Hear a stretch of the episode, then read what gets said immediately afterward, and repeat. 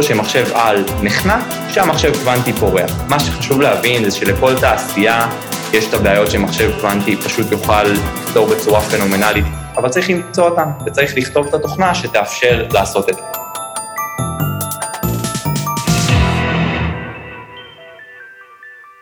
שלום וברוכים הבאים לתוכנית מספר 22 בפודקאסט של טק טיים, עם האנשים שמאחורי הטכנולוגיה. אני יוחאי שוויגר. האורח שלי בתוכנית היום הוא ניר מינרבי, מנכ"ל ואחד משלושת מייסדי חברת Classiq. Classiq היא חברת סטארט-אפ קטנה בתחילת דרכה, אבל היא עושה משהו חלוצי באמת. היא מפתחת את תשתית התוכנה שתאפשר להוציא לפועל את מהפכת המחשוב הבאה, הלא היא מהפכת המחשוב הקוונטי. אם אתם מתעניינים בפיזיקת קוונטים, ודאי נחשפתם לעולם התופעות המוזר והלא אינטואיטיבי, שבו אלקטרון הוא גם חלקיק וגם גל, ויכול להימצא בכמה מקומות במקביל, ועל עוד שלל תופעות קוונטיות מוזרות כמו למשל שזירות, שבה גורלם של שני חלקיקים תלוי זה בזה גם אם המרחק ביניהם הוא כבר אלפי שנות אור. ככל שאבני היסוד של המחשוב הקלאסי, הטרנזיסטורים, נהיים זהירים יותר ויותר, כך השיגעונות הקוונטיים באים לידי ביטוי יותר ויותר ומקשים על המשך פיתוח עוצמת המחשוב. אבל האם יש גם דרך לרתום את התופעות הקוונטיות כמו סופר פוזיציה ושזירות לצורך ביצוע פעולות חישוביות?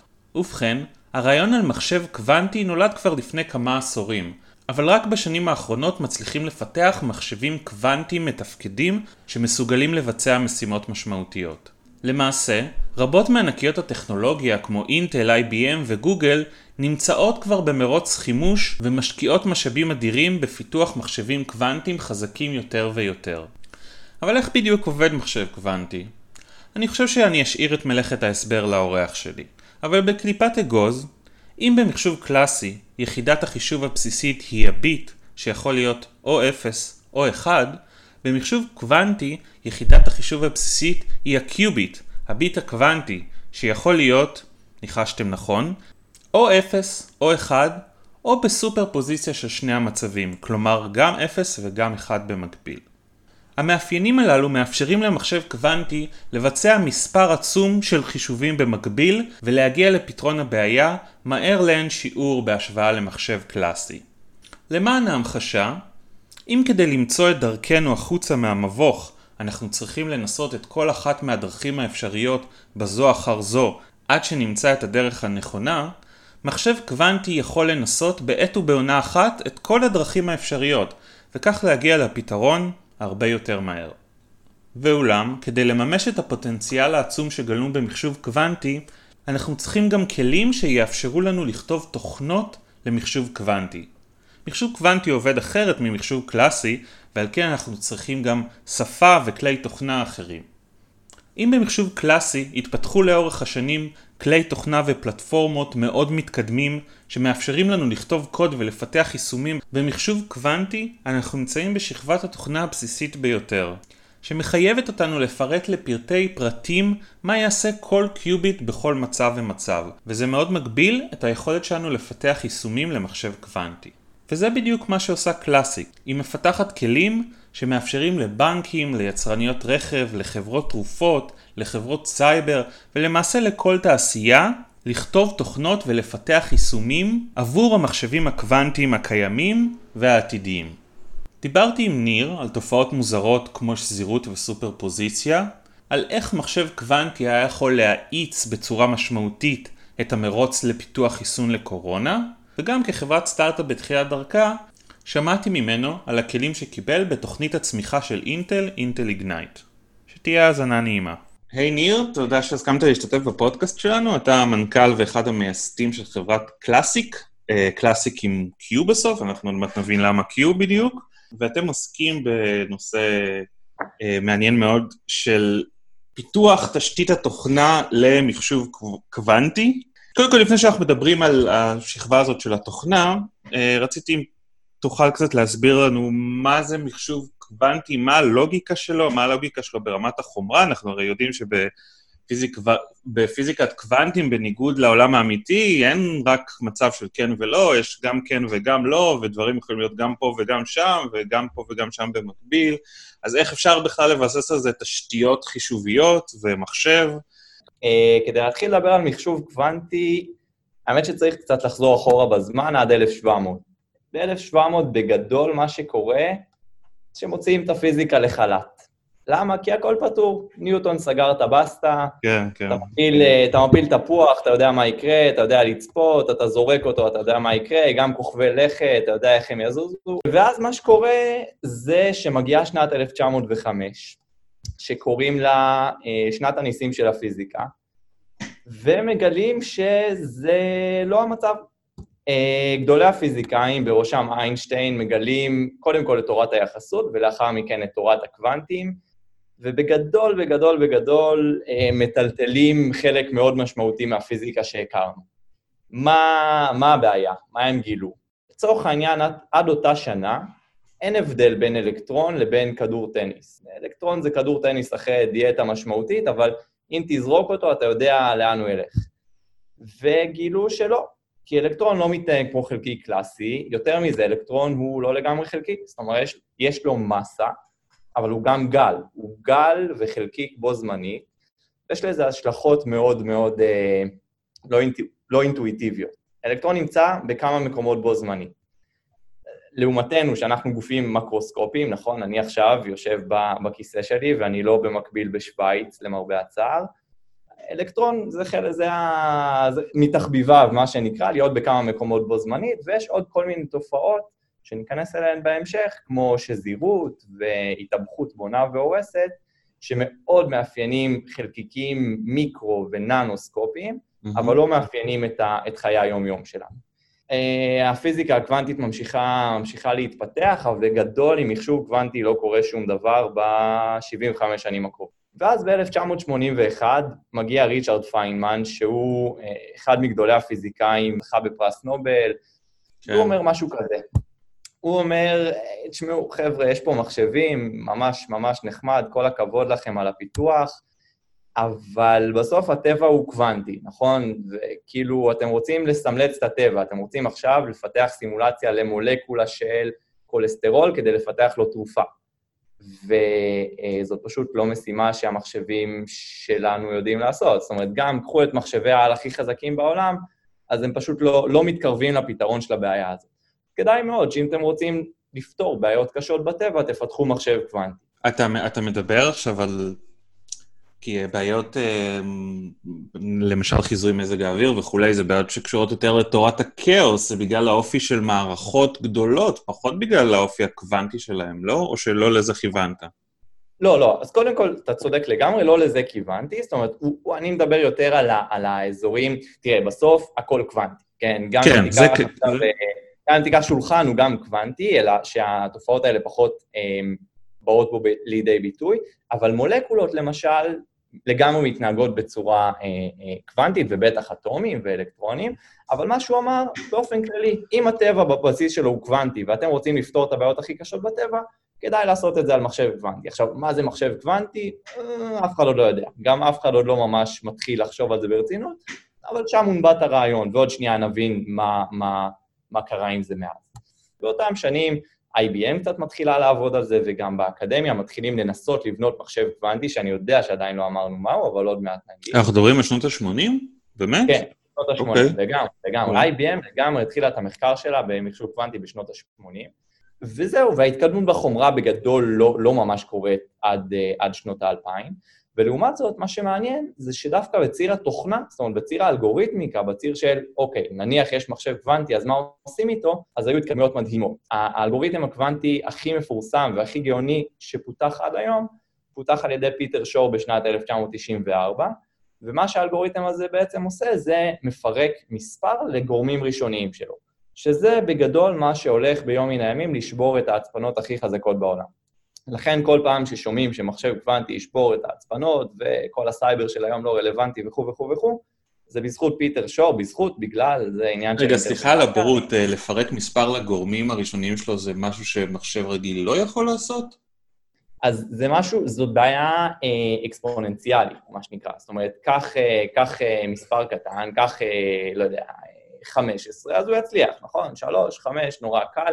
קח מספר אה, אה, בין אה, אה, 500 ספרות, אז זה כבר ייקח לו אה, אה, כאילו אין סוף זמן. Mm. ו- ואם זה לא היה לוקח לו אינסוף זמן, אז קח מספר עם 700 ספרות, וזה כבר ייקח לו אינסוף זמן. זאת אומרת, זה סוג הבעיות שמחשבים קלאסיים, לא משנה כמה הם חזקים, וגם אם תחבר את כל המחשבים בעולם, באיזשהו שלב הם קורסים. הם פשוט לא, פשוט לא מצליחים. וזה מה שהופך את ההצפנה הזאת לכל כך חזקה, כי אין אלגוריתם קלאסי, למחשב קלאסי, שפותר את זה בצורה יעילה. Okay. אוקיי. ולכן זה מחזיק מים. ומחשב קוונטי, לעומת זאת, של, לא של היום, אבל של עוד אה, כמה שנים, עוד שנייה נדבר בכלל על קבועי זמנים, מתי כל זה יהיה רלוונטי, אז הוא עושה את זה צ'יק צ'אק. זהו, אבל בשנת 94 אז אוקיי, יש אלגוריתם קוונטי גאוני, ואם היה מחשב קוונטי אז היה אפשר לעשות איתו דברים מעניינים, אבל אין מחשב קוונטי. ובעצם אה, ממשיכים לפלרטט עם הרעיון בשני העשורים הבאים, אבל המהפכה האמיתית של מחשוב קוונטי, שעליה לא מפסיקים לשמוע וההייפ מאוד מאוד קשה לפספס אותו, זה התחיל ב-2017. זאת אומרת, זאת, זאת ככה נקודת המפנה ש, שיזכרו לעוד הרבה מאוד שנים קדימה. שנת 2017, אז בגדול, אה, רוב הענקיות כבר במשחק. זאת אומרת, גוגל, אינטל, IBM, מייקרוסופט מתחילים, וגם עוד הרבה חברות אחרות מתחילות לפתח, לא מתחילות, אבל כבר חלקן מתחילות, חלקן בפנים, מפתחות מחשב קוונטי. ויותר מזה... זאת אומרת, זה במפת הדרכים הטכנולוגית שלהם? לגמרי, ומשקיעים בזה המון המון המון כסף וכוח אדם הכי איכותי שיש, ו... ומתחיל מרוץ חימוש. האמת שב-2017 לכל דבר ועניין מתחיל מרוץ חימוש, ועוד שנייה נדבר על, על איפה זה עומד היום, ועל כל ההצהרות, ולנו יש 30 אה, קיוביטים, ולנו יש 50, ואנחנו מגיעים ראשונים לקוואנטום סופרימסי וכל זה, אז... קוואנטום סופרימסי, אוקיי. כן. בוא נגיד שנייה במה, במה זה מתבטא. זאת אומרת, זה כבר לא תיאורטי, בסדר? מחשבים קוונטיים עובדים היום. זה לא שהם יעבדו עוד כמה שנים. היום הם עדיין פותרים בעיות קטנות. בואו בוא ניתן דוגמה. אחת הבעיות שהכי קשות למחשב קלאסי, גם אם תיקחו את הסופר קומפיוטר הכי חזק בעולם, זה לעשות סימולציה של מולקולה. מה זה אומר לעשות סימולציה של מולקולה? זה אומר אה, להבין למשל מה אנרגיית רמת היסוד שלה.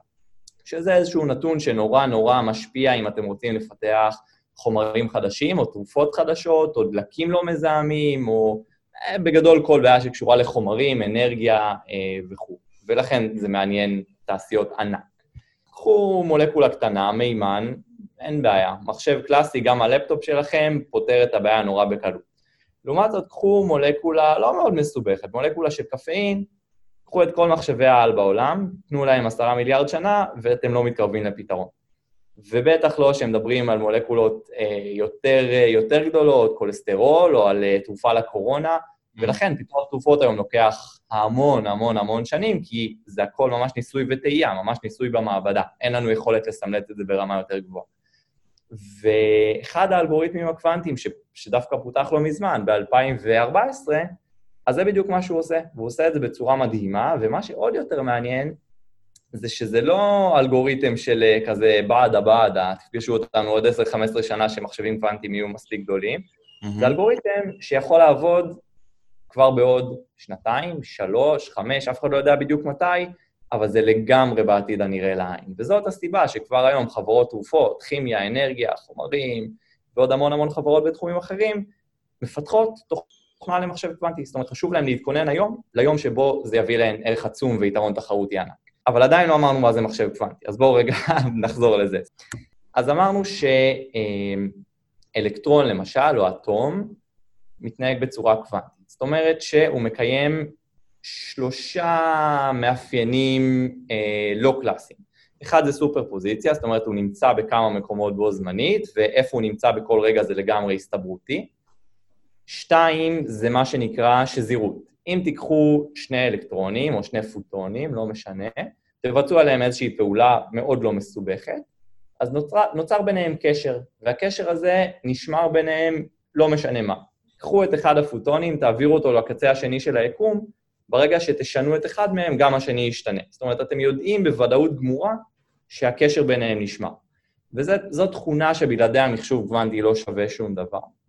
התכונה השלישית זה נקרא אה, התאבכות בונה והורסת. זאת אומרת, אמרנו שהחלקיקים האלה מתפקדים גם כגלים, וכמו שגלים בים, אז יש להם פיקים ויש להם נקודות אה, שפל, אז זה מה שקורה גם לחלקיקים קוונטיים. ועכשיו, מחשב קוונטי בעצם, הבסיס שלו זה לקחת את אותם חלקיקים. זאת אומרת, לקחת חלקיקים קוונטיים, וזה לא משנה עכשיו אם זה איזשהו יון או פוטון, או עושים את זה גם בעוד הרבה שיטות הזויות, כל מיני זיהומים ביהלום, או מייקרוסופט בכלל, הם, הם מבססים את המחשב הקוונטי שלהם על חלקיקים שעוד לא הוכח שקיימים. אוקיי. Okay. אבל בשורה התחתונה, אתם לוקחים חלקיקים מהסוג הזה, שיכולים לתפקד כקיוביט. מה זה קיוביט? זה quantum bit. מה זה ביט קלאסי? ביט קלאסי זה, הוא בכל רגע נתון או 0 או 1, נכון? Mm-hmm. כמו שאמרת בהתחלה, ביט קוונטי, אז הוא קוונטי. זאת אומרת, הוא בו זמנית גם 0 וגם 1, הוא פשוט בהסתברות מסוימת 0, ובהסתברות מסוימת 1. בואו נבין שנייה מה, מה זה אומר. נניח לוקחים עכשיו קיוביט, ועזבו שנייה, מעכשיו שוכחים מהמימוש. לא משנה לי אם זה פוטון או אלקטרון או מוליך על או כל דבר אחר, בסדר? אבל לקחתם קיוביט שהוא ב-10% כרגע במצב 1, וב-90% במצב 0. ועכשיו אתם מודדים אותו, אוקיי? שזאת עוד תופעה קוונטית מעניינת, שברגע שבודקים מה הערך של חלקי קוונטי, אז כל התופעות המעניינות שתיארתי קודם נעלמות, הוא כבר לא קוונטי, זאת אומרת, ההימצאות שלו בכל המצבים קורסת, ועכשיו הוא או 0 או 1. עכשיו, אמרנו שהוא ב-90 אחוז 1, אבל עדיין יכול להיות שמדדתי אותו והוא 0. זה קיוביט בודד. אבל עכשיו זה נעשה מעניין. עכשיו קחו 300 קיוביטים, אוקיי? אז יש לנו אה, בעצם ב-300 ביטים, נכון? נגיד יש לנו רצף של 0, 1, 1, 1, 0, 0, 1, 300 כאלה. כמה אופציות יש לנו לסדר אותם? 2 בחזקת 300, אוקיי? כי יש פשוט 2 בחזקת 300 קומבינציות של אפסים ואחד. עכשיו, בקיוביטים, אני לוקח 300 קיוביטים, ועדיין יש 2 בחזקת 300 אופציות, אבל בגלל האפקטים הקוונטיים, בגלל הסופר פוזיציה, אז כל האופציות האלה מתקיימות בו זמני. ולכן אומרים שמחשב קוונטי, זאת קצת דמגוגיה, אבל לא יותר מדי, מחשב קוונטי מבצע חישוב מקבילי של 2 בחזקת מספר הקיוביטים. עכשיו, רק לסבר את האוזן, 2 בחזקת 300 זה יותר מכל האטומים ביקום. אז יש לכם מחשב שהעוצמה שלו היא בלתי נתפסת. זאת אומרת, כמות החישובים המקבילים היא יותר גדולה מכל האטומים ביקום, ועכשיו, אם יודעים לנצל את הכוח החישובי המטורף הזה, אז באמת אפשר לפתור את הבעיות הכי הכי הכי קשות, שגם תנו לכל מחשבי העל בעולם אין סוף זמן, הם לא יפתרו. ועכשיו בוא, בוא ננסה להגיע למרכיב החומרה, אם מחשב רגיל, לא יודע, מתבסס על טרנזיסטורים, האם גם מחשב קוונטי מתבסס על... איך אתה מגלם את, ה, את המודל התיאורטי הזה בחומר, כן, שאלה, במערכת? שאלה גדולה, אז, אז אני אתייחס עוד שנייה לאיך בדיוק בונים את זה, אבל האתגר, למה זה אתגר טכנולוגי עצום, אולי הכי, האתגר הכי גדול של המאה ה-21, כי מה הקושי פה? לוקחים אה, חלקיקים, זאת אומרת, לוקחים גוף מקרוסקופי, נכון? מחשב, אתה יכול לבעוט בו, הוא גדול, ואתה רוצה שהוא עדיין יתנהג כמו אלקטרון, כמו חלקיק קוונטי. וזה אתגר מאוד מאוד מאוד מאוד גדול. זאת אומרת, נכון, אמרנו, הכיסא שאנחנו יושבים עליו, הוא לא ייעלם פתאום, כן? הוא יהיה, יש סיכוי כזה, על פי תורת הקוונטים הוא באמת יכול פשוט להיעלם ולעבור לחדר אחר, אז כנראה לא יקרה, ופתאום אנחנו רוצים שמחשב גדול יתפקד על פי עקרונות תורת הקוונטים. ולכן זה אתגר הנדסי כל כך גדול, כי מה, מה מפריע לשמירה על, על התכונות הקוונטיות? הסביבה, מה שנקרא רעש. אבל מה זה רעש? רעש זה כל אינטראקציה עם הסביבה. ואינטראקציה עם הסביבה זה חום, זה תזוזות, זה, זה, זה בגדול הכל. זאת אומרת, ובגלל זה, אה, למשל, המחשבים הקוונטיים מהסוג שאינטל ו-IBM וגוגל הולכות עליהן, שמבוססות על מוליכי על, אז הם עובדים בטמפרטורה שהיא מילי מעלה מעל לאפס המוחלט, זאת אומרת, מינוס 273 צלזיוס בעוד אלפית מעלה. ו... ובוואקום, ובגלל זה זה אתגר הנדסי כל כך כל כך גדול, ועכשיו יש באמת הרבה מאוד שיטות, זאת אומרת, בגדול קיוביט זה כל מערכת שמתפקדת כמה שנקרא מערכת שני מצבים. זאת אומרת, שהיא יכולה להיות 0, היא יכולה להיות 1, שוב, מה, מה זה 0 ו-1? בואו ניתן, אה, בואו נסביר רגע. בבית ספר, מי שבעוונותיו למד כימיה, אבל נראה לי שלא רק, אז תמיד מלמדים על רמות אנרגיה באטום, נכון? ש... ש... שהאלקטרון יכול לקפוץ בין רמות אנרגיה שונות. יש רמת היסוד, ואז נגיד אני מעורר אותו, אני שולח לו איזה קרן לייזר, ואז הוא עולה לרמת האנרגיה הבאה. מעולה. הנה, קיבלתם מערכת שתי מצבים. בין רמת היסוד לרמת האנרגיה השנייה, יש לנו אלקטרון שהוא חלקי קוונטי לחלוטין, לכן, לכן הוא יכול לקפוץ ביניהן. נגיד, בואו נקרא לרמת היסוד 0, לרמת האנרגיה הראשונה 1, הנה, יש לכם קיוביט. Uh, עכשיו זה קשה, כן, זה קשה לשלוט בו וזה קשה להשאיר אותו uh, במצב קוונטי טהור, ו... ולכן החברות הכי גדולות בעולם משקיעות בזה המון המון המון משאבים, וזה לא פחות ממרוץ חימוש. רגע, מצב זאת... קוונטי טהור זה שאנחנו לא רוצים שהוא יעבור בין מסלולים עד שאנחנו מסיימים את החישוב או משהו כזה? אני מנסה להבין מתי זה, כמו שאתה אומר, מתי המערכת הקוונטית קורסת לכדי פתרון בעולם. זו, זו רמת האנרגיה של המולקולה שבדקנו. זאת שאלה מעולה, ובואו נסביר אולי איך, איך אלגוריתם קוונטי עובד, זאת אומרת, איך החישוב הקוונטי עובד.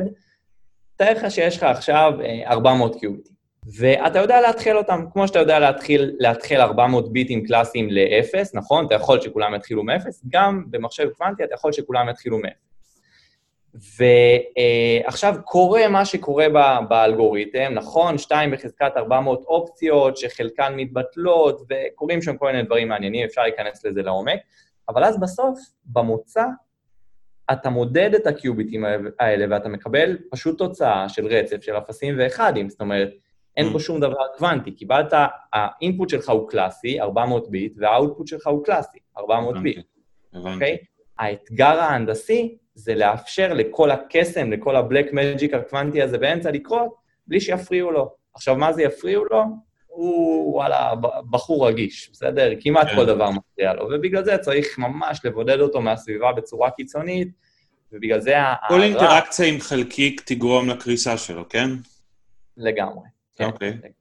אבל החדשות הטובות הן שזה קורה מעור וגידים. זאת אומרת, במשך הרבה מאוד שנים רמות הסקפטיות היו אינסופיות בגדול. אתה יודע, מתייחסים למחשוב קוונטי כמו, כמו cold fusion, כאילו היתוך קר, שזה בהגדרה יקרה תמיד עוד עשר שנים, אבל זה כבר ממש לא ככה. זאת אומרת, אנחנו באמת, באמת בעיצומה של המהפכה, והמספר של הקיוביטים והאיכות שלהם גדלים מדי שנה.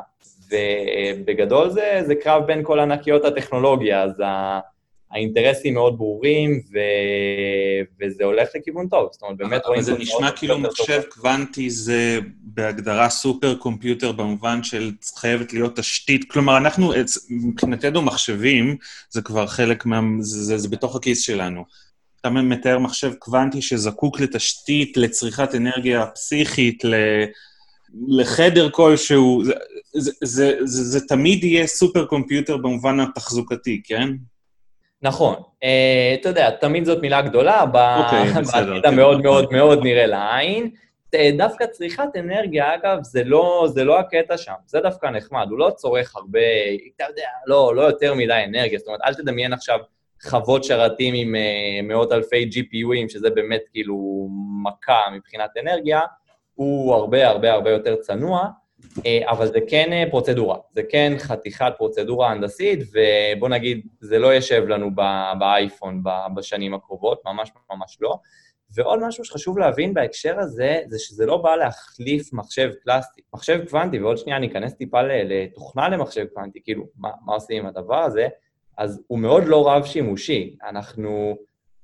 לא בעשור הקרוב, אבל אם אתה שואל אותי גם לא אף פעם, לא ננהל שיחת זום דרך מחשב קוונטי, משתי mm-hmm. סיבות. אחד, כי אף אחד לא יודע איך לעשות את זה, ושתיים, כי לא צריך, יש לנו אחלה מחשבים, והם עובדים yeah. כן. טוב, אה, פשוט במשימות מסוימות הם ממש ממש ממש גרועים. ולמרבה הצער, חלק מהמשימות האלה זה משימות שפשוט יכולות אה, להשפיע על כלכלת העולם בצורה כל כך דרסטית ולקדם אותנו למקומות שאנחנו לא מדמיינים, ששווה להשקיע במחשב קוונטי. אבל אני מנסה להבין אם זה... יכול, הרי אנחנו היום, ב, ב, נקרא לזה בעידן הביג דאטה והבינה המלאכותית וחישובים, אה, אני מנסה להבין אם זה יכול להאיץ, לשפר גם את התהליכים האלה, או שאנחנו מדברים על נישה מאוד ספציפית של בעיות. אז יש פה, יש פה upside ו-downside. בואו נתחיל מה, מהצד השלילי. יש מעט מאוד אלגוריתמים קוונטיים, או אפליקציות למחשב קוונטי, יש איך שאתה רוצה לקרוא לזה, שמוכרים, שהתגלו עד היום. תלוי איך אתה סופר, אבל בוא, בוא נגיד, כדי להיות על הצד הכי בטוח שיש, פחות מ-15. עכשיו, למה זה קורה, ונדבר על זה אולי עוד מעט טיפה בהקשרי תוכנה קוונטית, כי היום לפתח תוכנה למחשב קוונטי זה באמת קרוב קרוב לבלתי אפשרי, משימה נורא נורא נורא קשה, באמת בואו בוא נגיע לזה בהמשך, אבל ה upside הוא שכל אלגוריתם קוונטי הוא פשוט מהפכה בסדר גודל אחר, באמת, אותו אלגוריתם אה, שתיארתי קודם לכימיה, לכימיה קוונטית, אז הוא לא פחות ממהפכה, מהפכה אמיתית בעולם התרופות והאנרגיה, הוא פשוט ישנה שם את כללי המשחק, אבל הוא לא היחיד. אלגוריתם אה, זה משוואה מתמטית שעוזרת לנו לפתור בעיה? כי פשוט זורקים את המילה הזאת לאוויר כל הזמן אה, בימינו, אז אני רק רוצה לחדד בהקשר הזה מה זה. בוא נסתכל על זה כתוכנה. זאת אומרת, אתה היום, אה, יש לך איזשהו רעיון בראש, אתה רוצה לכתוב תוכנה למחשב קלאסי, ואז אתה מריץ אותה והיא עושה משהו, נכון? אותו דבר. זה פשוט איזה בעיה הוא יודע לפתור.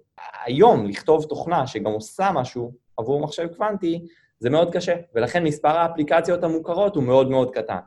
אבל אני, אני אתן לו עוד דוגמה, בסדר? עוד דוגמה היא בעיות, אה, בעיות אופטימיזציה, בעיית הסוכן הנוסע, אוקיי?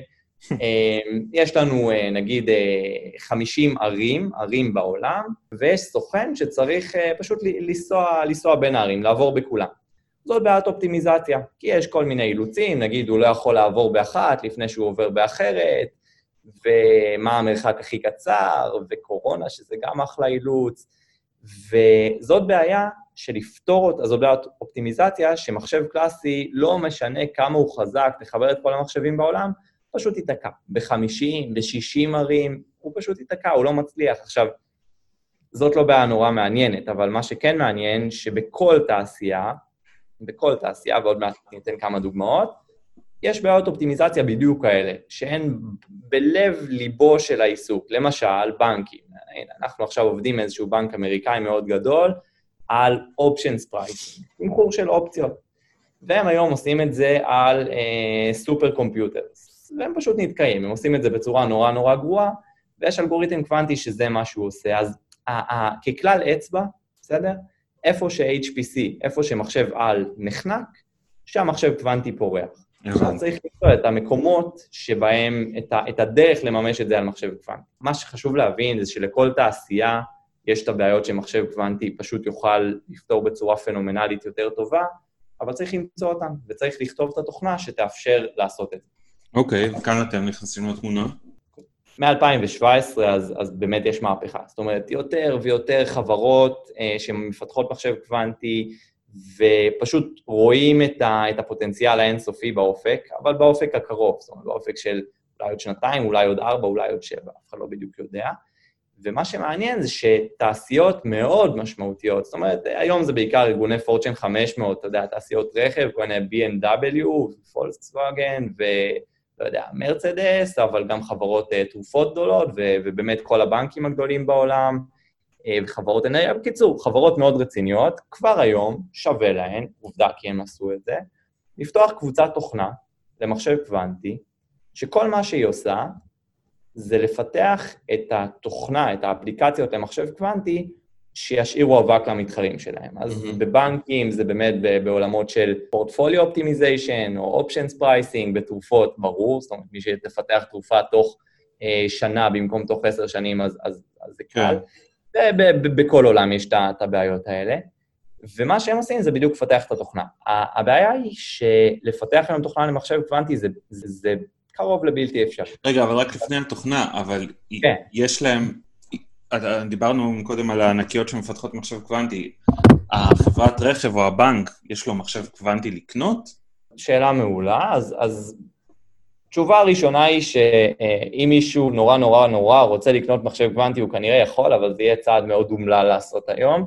זה לא מה שעושים. זאת אומרת, מה שעושים היום זה משתמשים דרך הענן. אגב, גם אתה עכשיו, אתה יכול אה, תוך עשר דקות לפתוח אה, את, את האתר של אה, IBM Q, של, ה, של הקוונטים של IBM, ולהריץ תוכנה על מחשב קוונטי אמיתי. סבבה? בחינם.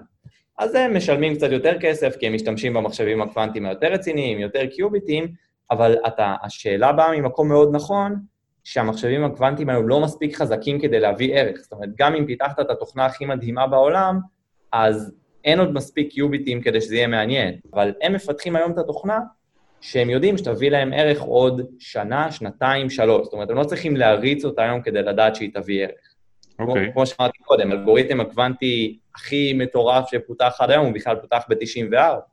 כבר ב-94 ידעו שביום שיהיה מחשב קוונטי עם מספיק קיוביטים, אז זהו, הוא ישבור את כל ההתפנות הכי חזקות בעולם. אז לכן mm-hmm. שווה לכל החברות האלה לפתח היום את ה-IP, את הפטנטים, את התוכנה, ולמצוא את הבעיות בארגון ש, שאפשר להביא המון ערך באמצעות מחשב קוונטי. הצפי הוא שאלפים רבים של חברות יצטרפו למשחק הזה בשנים הקרובות, זאת אומרת, זאת לגמרי מהפכה בתחום הזה. אוקיי. Okay. הבעיה היא שלמה זה כל כך קשה לפתח תוכנה למחשב קוונטי? כי התכנות היום הוא ממש, ממש ברמת השערים הלוגיים. זאת אומרת, אתה ממש חייב לדעת מה הפעולות הספציפיות שאתה רוצה לבצע על כל קיוביט, ואיזה שזירות בדיוק אתה רוצה לעשות בין כל שני קיוביטים, ואולי כדי להמחיש טיפה כמה זה לא סביר, תחשוב שאני נותן לך עכשיו מיליארד טרנזיסטורים, ואומר לך, בוא, בבקשה, תסדר אותם יפה אחד ליד השני ותבנה לי צ'יפ לאייפון. תאורטית אתה יכול לעשות את זה, אבל כנראה שלא תצליח, נכון? כי לעבוד ברמת אבסטרקציה כזאת, ברמת הפשטה כזאת, זה, זה בלתי אפשרי. זאת אומרת, ובדיוק בגלל זה, בעולמות הצ'יפ דיזיין יש לך תוכנות שעושות את זה ב-high-level, תוכנות CAD, מה שנקרא, Computer Aided Design, וזה בדיוק מה שאנחנו רוצים לעשות בקוונטים. זאת אומרת, אנחנו רוצים לאפשר למפתחי התוכנה להגדיר מה הם רוצים, להגדיר, אנחנו רוצים שהתוכנה תעשה 1, 2, 3, אנחנו רוצים לקחת 100 קיוביטים ולהגדיר עליהם רמה מסוימת של שזירות עם אה, סופר פוזיציה כזאת וכזאת, אבל אין להם מושג, אין להם שום מושג איך לבנות את התוכנה הזאת, איך לבנות את הקונסטלציה של השערים הלוגיים שתבצע את זה, ואנחנו מסנטזים את זה בשבילם.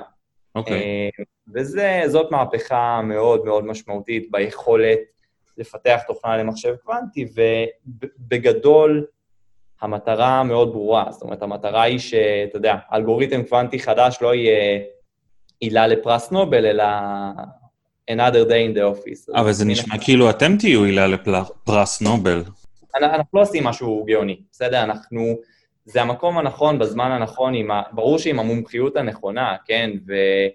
ויש לנו את הפריבילגיה שיהיה לנו צוות אה, מדהים עם מומחים בתחום הספציפי הזה, אוקיי. אבל זה מאוד מתבקש. היופי פה הוא שתוכנה קלאסית, ה stack של התוכנה הקלאסית, מה שנקרא, מפתחים אותו במשך 60 שנה. שכבה על שכבה על שכבה של אבסטרקציה. כאילו, כן. תחשוב, אתה רוצה בשנות ה-70 לבנות את פייסבוק או את גוגל, כן. אז כאילו, שיהיה בהצלחה לעשות את זה עם אסמבלי, נכון? זה מאוד לא כן, לא כן. סביר. אז היום פשוט עולם המחשוב הקוונטי נמצא בשלב, בשלב של אה, כרטיסיות הניקוב, אוקיי? אוקיי. וזה מאיץ נורא מהר, אבל השכבה הבאה הזאת ב stack היא נורא נורא נורא מתבקשת, ואנחנו פשוט עושים את זה בזמן הנכון, וזאת משימה מאוד מאוד קשה. ואיפה אתם נמצאים? אתה... אתה אומר, אנחנו עובדים כבר עם בנק, אני לא, אני לא שואל כרגע, עוד, עוד מעט נגיע אולי לרמה העסקית-מסחרית, אבל איפה אתם... תראה, החברה קמה לפני uh, כחמישה חודשים, כיום אנחנו uh, תשעה אנשים, אנחנו שלושה, שלושה פאונדרים, ה-CTO שלנו, דוקטור יהודה נווה, הוא אחד המומחים המובילים בעולם, גם למחשוב קוונטי וגם לעולמות ה-CAD. הוא הקים וניהל את קבוצת המחשוב הקוונטי של IBM אה, בארץ אה, במשך חמש שנים, והשותף, הפאונדר השלישי, אה, הוא אמיר נווה, שהוא גם הבן של יהודה, והוא מנהל את הפיתוח אצלנו. ומה הרקע שלך? אני, אז אני בוגר תלפיות, את רוב העשור האחרון עשיתי בצבא, בעיקר okay. אוקיי. באזור התיוג של, של סייבר. אני פיזיקאי במקור, ואתה יודע, נטשתי את הפיזיקה לאנחות בעשור האחרון, אז מאוד מאוד כיף לחזור מהדלת. מצאת את ה-X ועזבת, אתה אומר. וואי, זה... אוקיי. אני חושב שהיופי בעולם הזה היום, שהוא מאוד מאוד... מאוד בתולי, זאת אומרת, זה ecosystem שגדל נורא מהר. בגלל שאנחנו הסטארט-אפ הראשון בארץ בעולם התוכנה למחשב קוונטי, אז באמת יש לנו את הפריבילגיה לגייס אנשים אה, באמת מומחים ברמה יוצאת דופן, כי בישראל יש אקדמיה מאוד חזקה בעולמות המחשוב הקוונטי, האינפורמציה הקוונטית, וכן, כן, מד... ברמה מדהימה, באמת, פרופסורים מהשורה הראשונה ודוקטורנטים, ו... וזה, זאת אומרת, אין שום סיבה שבעולם שישראל לא תהיה האב מטורף של מחשוב קוונטי, והאמת שהתחלנו התחלנו חלש כמדינה. אה, יש את Quantum Machines, חברה נהדרת, שהיא יותר, יותר קרובה לעולמות החומרה, הם עושים quantum uh, control, מה שנקרא, זאת אומרת, ממש את ההנדסת חשמל של השליטה על הקיוביטים. Mm-hmm. Uh, ויש אותנו, ומן הסתם יקומו עוד רבים אחרים, וזה מבורך. ואני מנסה להבין, עכשיו בוא, בוא ניכנס קצת למסגרת של, של חברת סטארט-אפ של עולם עסקי, אתה אומר, התחום הזה מתפתח במהירות, אבל אני מנסה להבין אם הוא מתפתח מהירות, במהירות, במובן, נקרא לזה, מדעי, או שכבר יש ביזנס? אה, יש אנשים שמשלמים על דברים, יש אנשים שמשקיעים בדברים. איפה, כן. איפה זה עומד? כי, כי, כי אנחנו מדברים, בסופו של דבר מדברים על ביזנס. כן, כן, שאל, שאלה נהדרת. אז אני חושב שאחד הדברים היפים אה, אה, שקרו באמת החל מ-2017, ובגלל זה מדברים על מהפכה, שנוצר פה מעגל אה, קסמים ש, שמזין את עצמו. זאת אומרת, מצד אחד יש את ההתפתחות ההנדסית, שהיא פנומנלית. באמת, מדברים כבר על חוק מור קוונטי, שכל שנה המחשב הקוונטי מכפיל את העוצמה שלו, ויוצרת אה, ציפיות משמעותיות, לא רק הייפ, גם ציפיות אמיתיות, וזה זה, אה, זרז ענק לעולם העסקי. זאת אומרת, תסתכל, אה, בואו נדבר שנייה על סטארט-אפים, למרות שזה פחות מעניין, אבל ב-2017 היו בעולם כארבעה, חמישה סטארט-אפים בקוונטים. היום יש 250, וכאילו כל, כל יומיים אה, נוסף עוד אחד, והושקעו כבר מיליארדים רבים מאוד בתחום, אבל מה שיותר מעניין זה, זה, זה חברות גדולות, פורצ'ן 500 שנכנסות לתחום, משלמות הרבה כסף, שוכרות כוח אדם מאוד מאוד מאוד איכותי ויקר, והם שם, כאילו, הן שם בדיוק כי זה, זה יוצא מהאקדמיה ומהעולם ומה, התיאורטי, וזה לגמרי הולך לפתרונות תעשייתיים. זאת אומרת, אתה, אתה רואה היום מה אותם בנקים וחברות תרופות ו, ורכב עושות, זה ממש לא אקדמי, זאת אומרת, זה נורא תכלס עם מתי אנחנו צוברים יתרון תחרותי עם הדבר הזה. ו, ובאמת הצפי פה, זאת אומרת, אתה יודע, כסטארט-אפ, אז במרכאות השוק היום לא מעניין. זאת אומרת, השוק היום עדיין, עדיין כן. קטן. אה, אף משקיע לא ישקיע מיליונים בשוק, בשוק בגודל של היום. Mm-hmm. אבל ההסתכלות קדימה, זה, זה באמת אקספוננציאלי. אמנם זאת מילה מה זה שחוקה עם כל הקורונה והעקומות שמשתתחות או לא משתתחות. השאלה העיקרית היא מתי יגיע קוונטום אדוונטג'. קוונטום אדוונטג' זה היום שבו מחשב קוונטי יביא ערך כלכלי אמיתי לעולם, ופה חלוקים על הטיימינג, אתה יודע, האופטימיים אומרים, אה, וואלה, עוד, אה, לא יודע, שנתיים, הפסימיים אומרים, אה, אנחנו לא יודעים, אולי עוד חמש, אולי עוד הרבה אחרי זה, אבל, אבל זה, זה, כן, זה קורה מעור וגידים. עוד משהו שחשוב להבין זה שלא, זה לא שמחשב קוונטי לא עובד היום. זאת אומרת, דיברנו על סימולציה של מולקולה, בסדר? אז מחשב קוונטי היום מסמלץ מולקולות, פשוט מולקולות קטנות, אוקיי? והוא משתפר משנה לשנה, משנה לשנה הוא עושה סימולציות של מולקולות יותר גדולות, זה פשוט עדיין לא מעניין, כי מחשב קלאסי גם יכול לעשות את זה. אבל אתה רואה את ההתקדמות משנה לשנה, ואתה אומר, וואלה, אם זה ממשיך ככה, אז ב-2023 אני כבר מתחיל לעבוד עם מולקולות שאף מחשב בעולם לא יכול, לא יכול להגיע אליהן. וכנ"ל בבעיות אופטימיזציה וכנ"ל בבעיות אחרות. ובעיקר, אני חושב שהדבר הכי מרגש פה זה ש... אתה יודע, עוד לא גירדנו את קצה הקרחון במה אפשר לעשות איתו. אומרת, זה, זה, זה, זה, בדיוק הצורך בפיתוח תוכנה. כמו, כמו בכל טכנולוגיה, בעיקר טכנולוגיות כאלה דיסרפטיב, לצד, ה... לצד כל התועלות, אנחנו גם, אתה יודע, כבני אדם גם uh, באופן טבעי גם לפעמים קצת uh, חוששים מזה, והשאלה אם יש לנו פה קצת ממה לחשוש, אנחנו מכירים כל השיח למשל סביב בינה מלאכותית וכולי, ובעיקר. אה, ב-level המדינתי, אנחנו מדברים על כביכול החשש שסין תפתח אה, יכולות בינה מלאכותיות וכולי, ורוסיה וכולי. האם יש לנו קצת ממה לחשוש משימוש לרעה במחשוב קוונטי? בסוף אתה, אתה ענקיות הטכנולוגיה יוצרות פה את הכלי הכי חזק, הכי חזק בעולם. זאת אומרת, אין בכלל מה להשוות, זה רק כדי להמחיש שנייה את העוצמה, לקח את מחשב העל הכי חזק בעולם, סאמיט של, של IBM. Mm-hmm. היום הוא, הוא בשיא העוצמה שלו יכול לסמלץ אה, אה, 56 קיוביטים. זאת אומרת, כל משימה שמחשב קוונטי עם 56 קיוביטים יכול לעשות, הוא גם יכול לעשות. אבל 57 קיוביטים זה כבר פי 2 עוצמת חישוב. אתה צריך כבר שני סאמיטים שיעבדו, זאת אומרת, סאמיט עם פי 2 עוצמה. Mm-hmm. אבל לעומת זאת, 150, אז אתה צריך 2 בחזקת 100 מחשבים כאלה. זאת אומרת, זה עולה בצורה מטורפת, ולכן כן. ברור שאנחנו יוצרים פה פשוט כלי שאנחנו לא יכולים לדמיין את העוצמה שלו. אז ברור שיהיו לזה גם השלכות אה, רעות. כן, לא סתם חברות אה, נשק משקיעות בתחום הזה, ואני בטוח שיהיו גם השלכות לא טובות. אה, כמו לכל טכנולוגיה חזקה. אתה יכול, אתה יכול אה, להעלות על הדעת אפליקציה צבאית למחשוב קוונטי? בלי להפחיד, כן. אפילו משהו, משהו בסדר. מה, בעיקר בעולמות הסייבר או ממש בעולמות הנשק? אז עוד שנייה נדבר על הסייבר, כי שם זה דווקא הרבה יותר מוחשי, אבל בוא, בוא, בוא ניקח הכי פשוט בעולם, בסדר? כל נשק שאתה רוצה לתכנן, אתה עושה לו סימולציה, זה נקרא סימולציית שש דרגות חופש. זאת אומרת, אתה רוצה לדעת בדיוק איך הטיל שלך יעוף בכל סנטימטר מהמסלול. היום עושים את זה בשיטה שנקראת, בין היתר, בכל מיני שיטות, אבל נגיד בשיטה שנקראת אה, מונטה קרלו, בסדר? ואתה מריץ, וזה רץ, ורץ, ורץ, ורץ, ורמת הדיוק לא מספיק גבוהה. זה בדיוק המשימות שמחשב קוונטי פשוט ממש טוב בהן. לגרום לטילים להיות נורא נורא מדויקים, אבל שוב, זו, זו דוגמה מה זה, מה זה בנאלית ולא מעניינת. זה ברור שיהיו כבר מספיק מדויקים, אבל בסדר.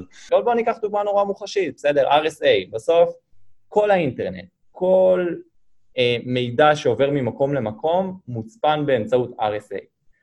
ואם אותו אלגוריתם שפותח בשנת 1994, בוא נניח, בוא, בוא ניקח תרחיש אימים, שהוא כנראה לא נכון, בסדר? יש כל כך הרבה סיבות להאמין שהוא לא נכון, אבל בוא נניח שהוא נכון.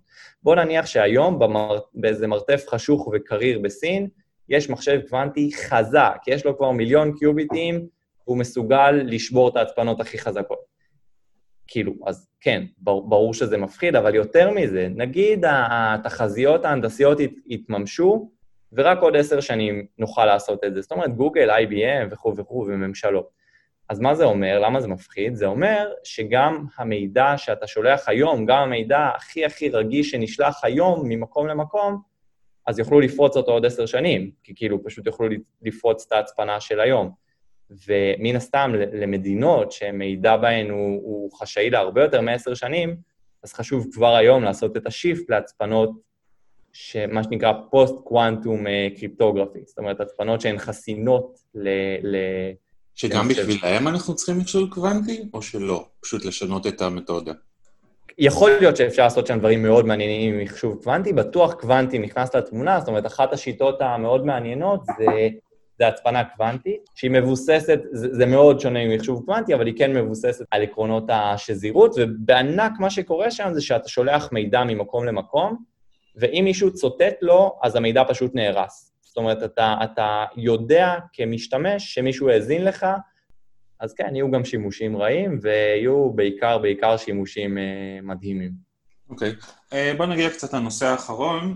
הקשר ב- ב- ב- בינינו לביניכם נוצר בעקבות התוכנית של אינטל איגנייט, uh, תוכנית הצמיחה של אינטל. Uh, אנחנו אירחנו באחת התוכניות הקודמות את מנהל התוכנית, צחי וייספלד, ואתם, אם אני מבין נכון, השתתפתם במחזור השני של התוכנית. וכזה, אני קצת אשמח אם תוכל לספר לנו קצת על המסלול שעברתם שם ואיזה כלים או תובנות קיבלתם משם, ומה הועילה לכם התוכנית. בואו נתחיל מהשורה התחתונה. התוכנית מדהימה, באמת, באמת. קיבלנו משם פשוט המון. אני חושב שיש כמה, כמה דברים שהופכים את התוכנית לטובה כמו שהיא. קודם כל הצוות. הצוות של איגנייט הוא באמת ברמה, ברמה, ברמה אחרת. זאת אומרת, וכסטארט-אפ, ברמה הכי פשטנית, זה שיש לך גב כל כך חזק, צוות של אה, לא מעט אנשים שאתה יודע שההצלחה שלך היא ההצלחה שלהם. והם רוצים לעזור לך, והם יכולים לעזור לך. זה אנשים עם המון המון ניסיון, צחי, שהיה פה לפני כמה פרקים, בן אדם עם אינסוף ניסיון ואינסוף קשרים, אז זה אלמנט אחד. אלמנט שני זה התכנים. לדבר ולשמוע את אה, בכירי התעשייה, גם מעולמות הסטארט-אפ וגם אה, בכלל מתעשיית ההייטק וה, והעסקים בארץ, זה, זה מאוד מועיל בשלבים האלה, כי אתה יודע, כל, כל אה, מנכ"ל בטוח שהוא, שהוא יודע מה הוא עושה, וכאילו, מן הסתם זה לא המצב. לקח עשרה מנכ"לים, יש לך עשר שיטות שונות איך לעשות כל דבר, ולכן כדאי מאוד להקשיב לאנשים עם, עם ניסיון. ודבר שלישי, שאני חושב שהוא גם מאוד מאוד מאוד חשוב, זה הקשר ההדוק עם, עם אינטל הגדולה.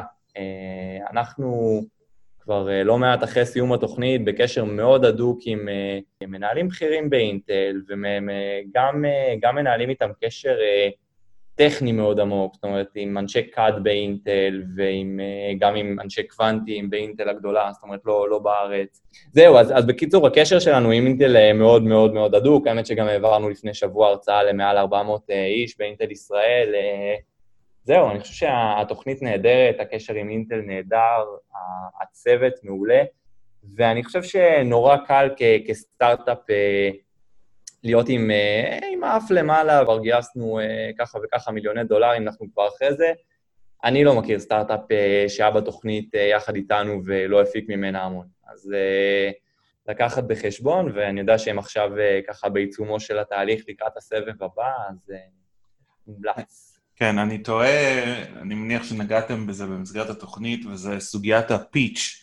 השתי דקות שיש לך עם איזה מנהל VC או איזה משקיע וכולי. אז, אז כשאנחנו מדברים על נושאים קצת שהם כבר יותר מוטמעים בשיח, בבאזוורד, על אוטונומוס ויקל ו-AI וסייבר וכולי, אז, אז, אז אתה כבר יכול להניח ידע מוקדם אצל ה... או לפחות איזו הכרת שוק אצל, ה, אצל האיש מהצד השני.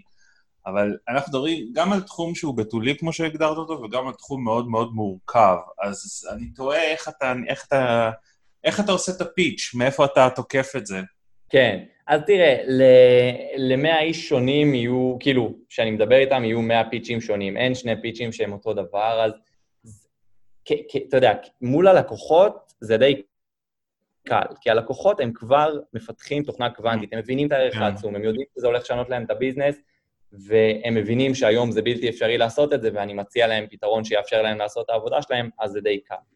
מול משקיעים, אה, זה גם, זה גם יחסית פשוט, כי משקיעים, אה, רוב המשקיעים כן אה, די חזק בביזנס, ומי שלגמרי לא, אז תראה, דווקא נורא קל לזרוק פה, להשתמש בהייפ, אבל זה גם באמת נכון. זאת אומרת, מחשב קוונטי הולך לשנות את העולם בעשורים הקרובים, הוא הולך לפתור את הבעיות הכי מעניינות שיש, הכי קשות שיש, ולהביא אינסוף ערך כלכלי. היום לכתוב תוכנה למחשב קוונטי זה בלתי אפשרי, אנחנו מאפשרים לעשות את זה, זה מאוד פשוט. אה, גם בלי שזירות, אבל... אה, בוא, בוא נסיים את הפודקאסט עם המשפט, זה מאוד פשוט. אני חושב שזה סיום הולם לשיחה על מחשוב קוונטי. אה, ריצ'רד פיינמן היה גאה בך. כן. היה ממש כיף, ותודה. גם לי, גם לי, ניר. תודה רבה על ההאזנה, אני מקווה שנהניתם. אתם מוזמנים להמשיך ולעקוב אחר הכתבות באתר שלנו, techtime.co.il, להירשם לניוזלטר ולהקשיב לפרק הבא בפודקאסט.